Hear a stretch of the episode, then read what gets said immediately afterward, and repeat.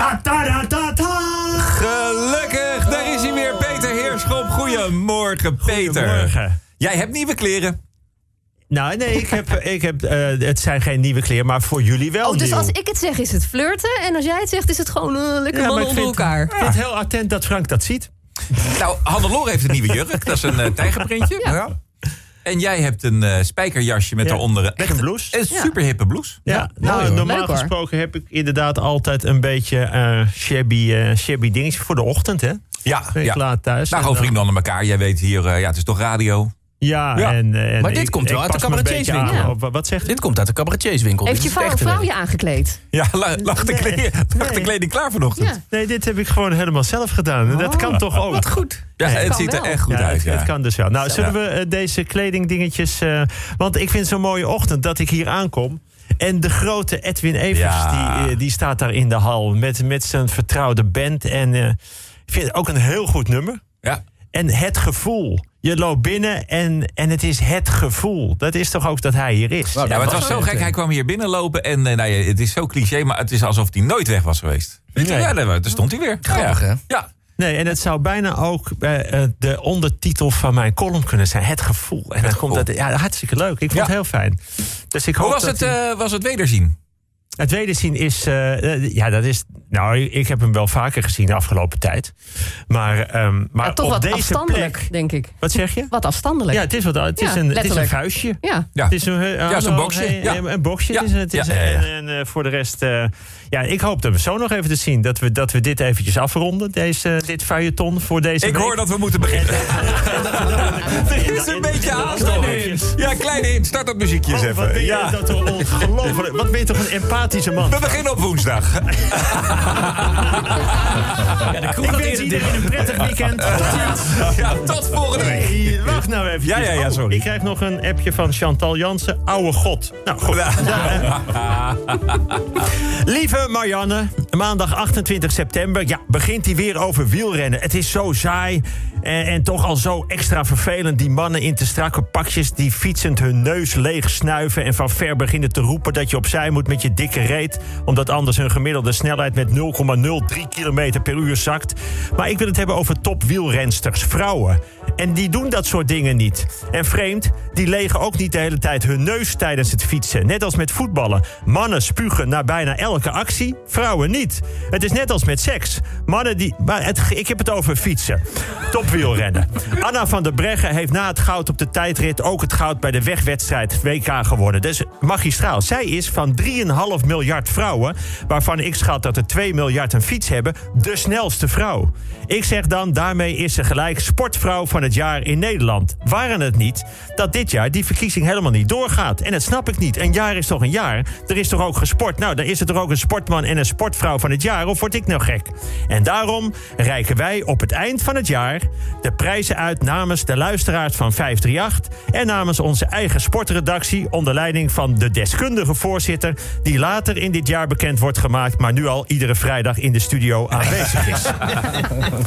Even iets over Tata Steel. Je weet wel, IJmuiden. Afgelopen acht jaar hebben ze een winst gemaakt van 1,7 miljard. Daar zou voor normale bedrijven en burgers in Nederland 390 miljoen euro belasting over moeten worden betaald. Lijkt nu, is nooit gedaan, hoeft er niet. Maar Tata maakt nu wel gebruik van de subsidieregeling voor bedrijven die door corona zijn getroffen. Koekoek. Je hebt geen kinderen, maar je vraagt wel kinderbijslag. Je hebt een eigen huis, maar je vraagt wel huursubsidie. Je bent geen donor, maar wil als het nodig is wel een orgaan van iemand anders. Oh, oh dat gebeurt dus al heel veel. Dinsdag 29 september, na de persconferentie van premier Rutte en minister De Jonge, keken ook dit keer 18 miljoen Nederlanders. Dat is 106% van de hele bevolking. Weer Lukashenko-achtige getallen. Meest opvallende was dat gebarentolk Irma zelf moest hoesten tijdens het verhaal van Hugo de Jonge. Dat deed ze niet in haar elleboog. En dat is maar goed ook, want dat betekent in gebarentaal... het is allemaal slap gelul en je mag als gebarentolk niet je eigen mening geven. De mondkap, het mondmasker, het mond- en neusmasker wordt deze weken veel genoemd. Het wordt min of meer verplicht in bijna alle landen van de wereld, maar in Nederland schijnt het juist niet te helpen. Ik heb al veel straattaal-synoniemen geleerd voor de mondkap. Ik noem giechelgordijn, klepcondoom, smoeldoek, kanuskap, porenprul, brabbellap, lippenslip, snorrokje, kanuskeppel, mondverband, emmerdeksel, muilluifel, let- tettertent en het oerhaarse bekbedekken. Ik sprak trouwens een vrouw in Den Haag die corona had gehad. Ze had er weinig van gemerkt, zei ze. Maar eh, haar smaak was nog steeds niet terug. Ik zei, nou, dat is toch vervelend? Ja, zei ze. En denk nou zelf het Haagste bij. Maar het scheelt ook een hoop geld.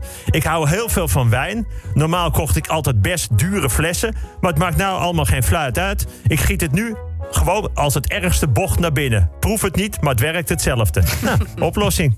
Het lijkt wel of coronapatiënten minder ernstige symptomen hebben. Volgens een viroloog op de radio zou dat kunnen komen omdat het virus zelf minder gevaarlijk moet worden om te kunnen overleven. Als elke drager van het virus dood zou gaan of in afzondering ligt, kan die niet lekker anderen besmetten en sterft het uit. Als je als virus dus lekker uitgebreid wil blijven leven, dan moet je zorgen dat jouw drager niet al te ziek wordt. Als je thuis langer wil volhouden, moet je ook niet de hele avond keihard roepen wat je nog veel liever zou willen doen en met wie. of laat ik het zo zeggen, ik heb er hele slechte ervaringen mee. Woensdag 30 september. Ik zit naast allemaal andere media ook op LinkedIn. Daar krijg je ongevraagd adviezen om op een bepaalde baan te solliciteren. Ik weet niet waar het op gebaseerd is, maar ik kreeg op mijn eh, ka- kant de volgende aanbevelingen waar ik op zou kunnen solliciteren. Komt-ie? Medewerkster kassa paktafel in Limburg. Medewerker IKEA afdeling sales slaapkamers in Hengelo. Telecom-monteur Sikko, geen opleiding en ervaring nodig. en tenslotte DJ Radio Veronica, elke middag tussen 4 en 6 in Hilversum. Kortom, er zit er één bij die me wel wat lijkt. Ik heb wel wat met slaapkamers.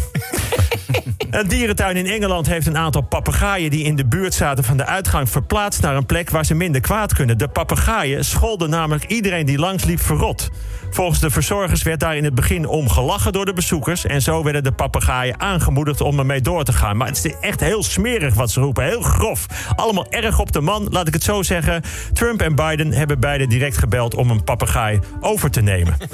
Donderdag 1 oktober, ja, een verhaal mensen. Onze vaatwasser was opeens stuk. Hij deed het niet meer. Storingslampje gaf aan, de pomp is kapot. Zeg maar het belangrijkste onderdeel. Apparaat was voor zeven jaar verzekerd. En dit gebeurt natuurlijk na zeven jaar en twee maanden. Ik zeg erbij, duur apparaat hoor, een echte bos. Per telefoon gevraagd om een reparatie bij de landelijke klantenservice van BCC. Ik zeg erbij, de klantenservice, dus niet de fijne winkel bij mij in de buurt. Dat aanmelden is niet makkelijk, daar heb je namelijk alle bonnen voor nodig van zeven jaar geleden. En die heb je niet meer. En ook allerlei nummers die ergens op de totaal ingebouwde apparaat staan, maar op de achterkant van het ingebouwde apparaat. Maar goed, na twee weken had ik het wel gevonden. Weer bellen, alle gegevens. Nou, zegt die vrouw bij de reparatie, het is natuurlijk wel al een heel oud apparaat. Ik zeg zeven jaar voor een bos van 1000 euro. Ja, maar de waterpomp is kapot en het kost 407 euro om te repareren. Ik zeg, u ziet toch niet op afstand wat er kapot is? Ze zegt, ja, maar u kunt hoe dan ook beter een nieuwe kopen. Ik zeg, nou, doe de... En zij zegt, zij zegt ook nog, doe een goedkope... want ik werk al heel lang bij de reparaties... en de dure gaan veel vaker kapot dan de goedkope. ik kan u ook wel even zeggen wat u nodig heeft, meneer Heerschop. Ik zeg, dat ziet u op afstand. Zeker, meneer Heerschop. En ik zit even te kijken naar uw gegevens. Maar uw vrouw gaat dus ook al een tijdje mee. ik raad u aan om die ook te gaan vervangen. Ik zeg, dat zie je op die afstand. Ja, het is een wonder dat ze het zo lang is blijven doen. Maar ze is ook niet te repareren. We kunnen erop lappen, maar voor hetzelfde geld heeft u een compleet nieuwe. Kortom, er verandert nogal wat bij mij thuis. Vrijdag 2 oktober. PSV heeft zich keurig geplaatst voor de Europa League... door met 2-0 te winnen van het Noorse Rosenburg. En Ajax heeft, de Champions, heeft voor de Champions League... Liverpool, Atalanta en Midtjylland gelood. Kortom, niet al te moeilijk, hoewel je Micheland natuurlijk nooit moet onderschatten. Sigaretten krijgen vanaf nu allemaal dezelfde neutrale verpakking, zonder vrolijke kleuren en merknamen. Nou ja, een neutrale verpakking. Er staan op die pakjes nog wel de verschrikkelijke foto's van kapotte longen, rotte gebitten en onbruikbare geslachtsdelen. Verder krijg je als je het pakken openmaakt een schok van 220 volt, sproeit er een stinkend gas recht in je gezicht. Bij het opsteken knalt de sigaret een deel van je neus eraf en bij het inhaleren wordt per direct al je kringspieren ontspannen. Een pakje kost voortaan 125 euro, maar verder test blijft alles hetzelfde. Donald Trump heeft positief getest op corona. Hij is ziek, maar volgens de president is corona minder erg dan de slaapziekte van Joe Biden. Bovendien zegt Trump Corona is een nepziekte, bedacht door de Chinezen. Hij is nu van plan een muur om China te gaan bouwen. Wel zielig voor Donald en zijn vrouw. Die zitten daar dus op een fletje en ze kunnen geen kant op.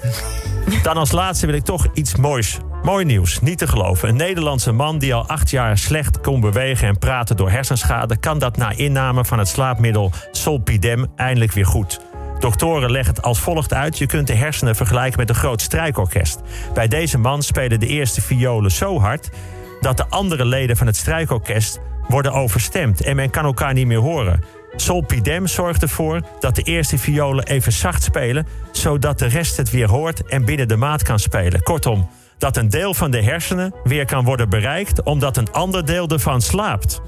Vriend van mij heeft een buisje Solpidem op het kussen van zijn vrouw gelegd... en zegt gewoon even kijken welk deel van het lichaam... weer eens een keer kan worden aangestuurd. Nou, ik wens iedereen een heel prettig weekend...